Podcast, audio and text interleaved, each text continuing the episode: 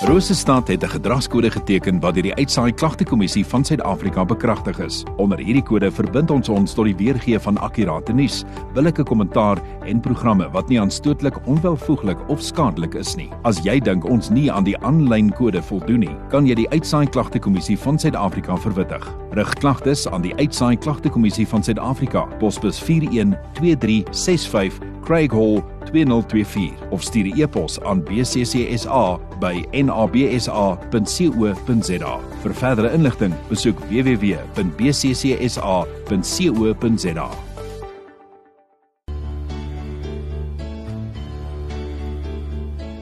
Tyd vir oggendgodsdiens op 100.6 FM.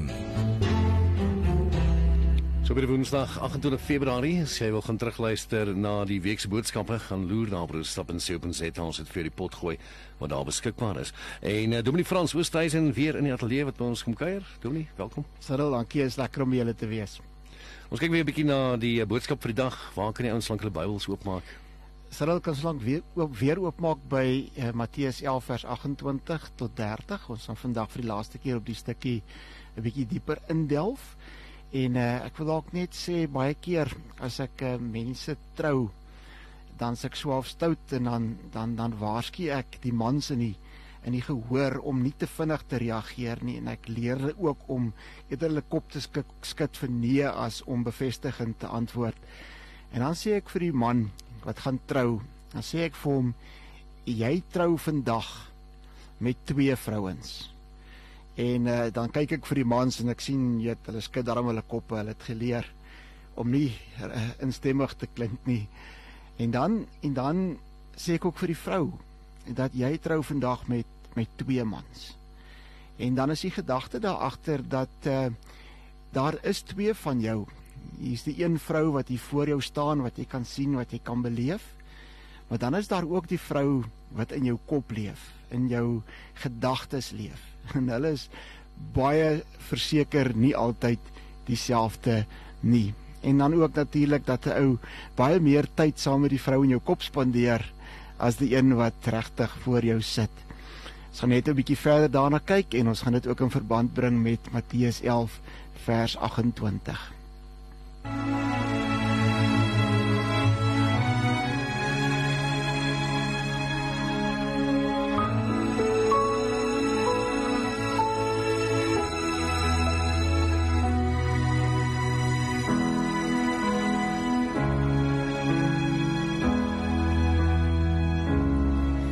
I've heard there was a secret chord that David played and it pleased the Lord, but you don't really care for music, do you? It goes like this the fourth, the fifth, the minor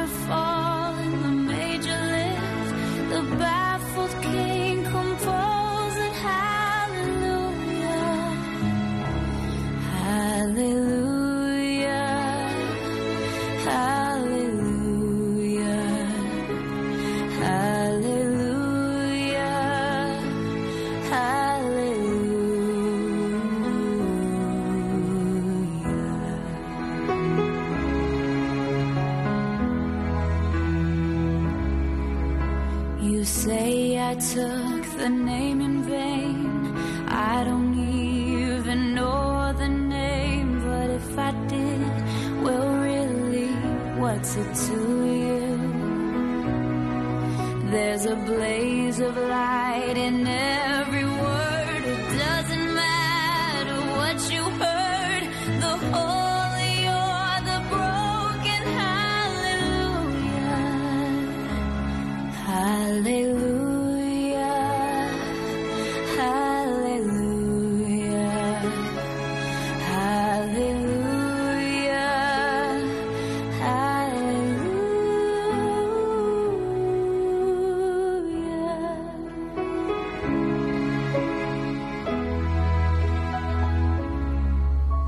I did my best, it wasn't much.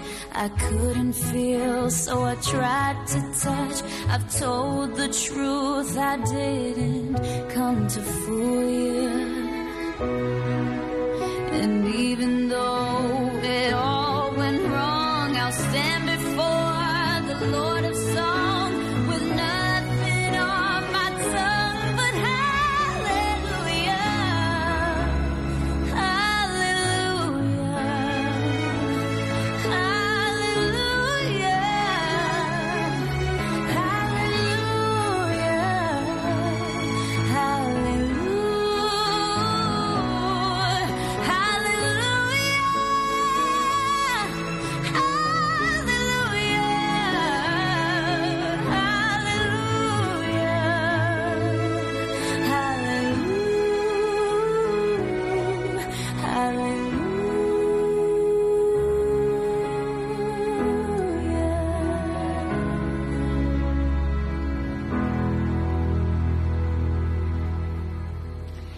voordat ons uit Matteus 11 vers 28 tot 30 lees, kom ons raak eers saam met koning Dawid in verwondering stil oor God se grootheid.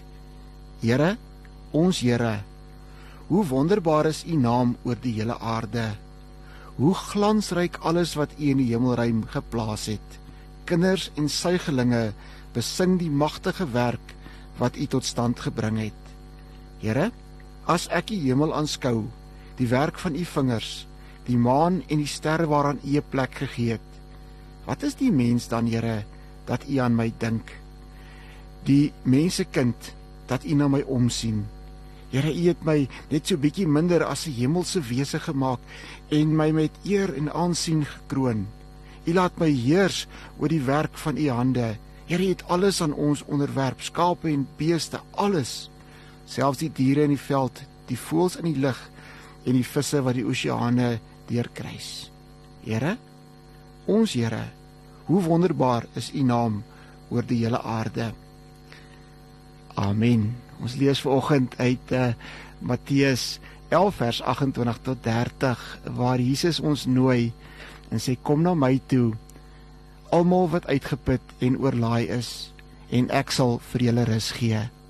Neem my juk op julle en leer van my want ek is sagmoedig en nederig van hart en julle sal rus kry vir julle gemoed want my juk is sag en my las is lig. Uit hierdie gedeelte het ons maandag vir mekaar gesê dat uh, ons hoor dat God vir ons uitnooi uitnooi om na hom toe te kom. Maak nie saak of ons huppel en dans van blydskap en of ons saam met Elia onder die besembos is nie. Net soos wat jy is, nooi vir jou om by hom tot rus te kom. Gister het ons ook gehoor dat God vir ons rus gee en uh, dat die gerus dat die rus wat hy vir ons gee iets is van om ons gedagtes tot bedaring te bring.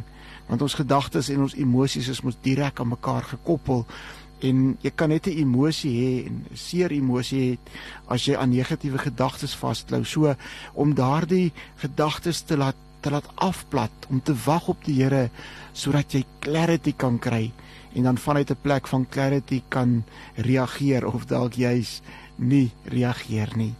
Vandag hoor ons dat Jesus vir ons kom sê kom leer van my. Kom leer van my want as ons sê ons ons ons vind ons toevlug by die Here, dan is dit belangrik dat ons weet wie hierdie God is by wie ons ons toevlug vind. Want as jy weet wie by jou is, sal jy weet hoe veilig, hoe rustig en hoe tevrede jy kan voel. Sal jy weet dat jy kan op hom vertrou want hy het jou nog nooit in die steek gelaat nie en hy sal jou ook nooit alleen laat nie.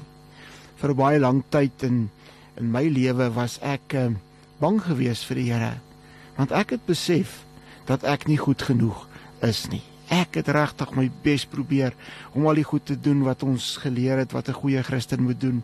En sjoe, ek het net ek het net besef ek eh, ek measure net nie op by dit wat ek gedink het God van my verwag nie. Die God wat in my kop en my gedagtes was, het ek gedink wil net hê dat ek heeltyd harder sal probeer, dat ek meer opofferings sal maak jy weet hoe groter my opofferings en hoe swaarder dit my gaan, hoe gelukkiger is God tipe van 'n benadering. Dis hoe ek oor God gedink het. Kom terug by die by die twee persone wat jy in 'n verhouding mee is, die een wat fisies daar is wat jy nie regtig um, kan ken ooit nie en dan ook die een wat in jou gedagtes is. Ek sê vir julle van die God in my gedagtes die God wat ek 'n storie oor in my kop gehad het wat ek geglo het in my lewe volgens ingerig het was 'n was 'n harde God 'n God wat net wil hê ek moet presteer en wat seer gemaak en kwaad is daar waar ek um, iets nie kon kon regkry nie. Ehm um, ek was was regtig bang geweest omdat ek gedink het ek nie goed genoeg vir God was nie die gelowiges in Matteus ehm um, was was moeg gewees van godsdiens. Daar was soveel laste wat op hulle gelaai is en dinge wat hulle moes doen en ons heeltyd gedreig met julle is net nie goed genoeg nie. Ehm um, en dis en dis wat die kerk en die gemeenskap van daardie tyd vir daardie eerste ehm um, of vir daardie gelowiges op daardie stadium geleer het. En uh, dan moet ek ook sê as ek sê ek was bang dan dan ek op 'n baie later stadium in my eie lewe eers vir God beter leer ken. Op 'n eintlik was ek al klaar gestudeer gewees toe toe toe alles vir my in plek val en ek besef dat God 'n 'n God van liefde is. En ek besef dat God 'n ten spyte van liefde vir my het sy liefde hang nie af van hoe goed ek presteer en hoe goed ek die al hierdie geloofsgoed reg kry nie. Hy's lief vir my net soos wat ek is. Met al my foute, met al my tekortkominge, met al my vrese is hy lief vir my. Johannes 3 vers 16 en 17 wat sê dat uh, want so lief het God die wêreld gehad dat hy sy enigste seun gegee het sodat die wat in hom glo nie verlore sal gaan nie, maar die ewige lewe sal hê. Hoor daardie liefde dat hy homself gegee het sodat ons nie verlore hoef te gaan nie. Maar dan vers 17, ek dink 16 is so groot, ons mis baie keer vers 17 wat sê hy het nie sy seun na die wêreld toe gestuur om die wêreld te veroordeel nie, maar juis sodat ons in hom die lewe kan hê. En Johannes 10 vers 10 waar dan sê hierdie lewe is ook 'n lewe in oorvloed. God nooi jou vandag uh om nie vir hom bang te wees nie. God nooi jou vandag en hy sê vir jou, maak nie saak of jy bang, skuldig en niks werd voel en of jy opgewonde is oor die lewe nie. Hy roep vir jou en sê kom na my toe. Ook jy wat uitgeput en oorlaai is, kom na my toe en ek sal vir jou rus gee. Neem my juk op op julle en leer van my, leer wie ek is want ek is sagmoedig en nederig van hart. En julle sal rus kry vir julle gemoed want my juk is sag en my las is lig. Jesus sê ek is sagmoedig en nederig van hart. Hy sê vandag vir jou dat hy sag werk met mense wat baie keer struggle in die lewe. Mense wat skuldig niks werd voel Hy sê hy sagmoedig en sagmoedig is die teenoorgestelde van kwaai en hard. Hy sê hy's nederig en en nederig, die Engelse vertaling sê dit vir my so mooi, hy's gentle. Hy werk met sagte hande met jou as sy kind. Weet vandag dat die Skepper en die onderhouer van hierdie wêreld intens by jou is en by jou betrokke is gaan soek na sy liefde sodat jy in sy liefde tot rus kan kom. Sodat sy liefde jou kan aanvuur vir 'n vol lewe in sy teenwoordigheid. Kom ons bid saam. O Here skep in my die wil die nood om u te soek. Draai my om sodat ek in u rigting kan kyk Here u het my nie verlaat soos ek so dikwels met u gedoen het nie. Ek bly op al my dwaalweë tog altyd bewus van u teenwoordigheid eers naby my in my. Hier kom ek, Here. Na wie anders kan ek gaan wat my nie sal verwyd of sal wil terugbetaal nie wat selfs die trane van my oë afvee. Na wie anders kan ek gaan, Here? Skepper God, ek weet dat U wat my gemaak het my ook sal oormaak.